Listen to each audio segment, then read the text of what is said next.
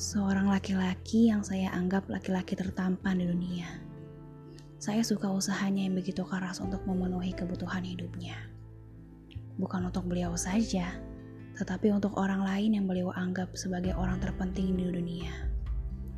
Beliau rela berkorban demi melindungi orang-orang yang ia sayangi. Beliau rela bekerja serabutan, apa saja akan beliau kerjakan demi istri dan anak-anaknya. Ya, hari Sabtu 13 Juni 2020. Hari ini hari kelahiran Bapak.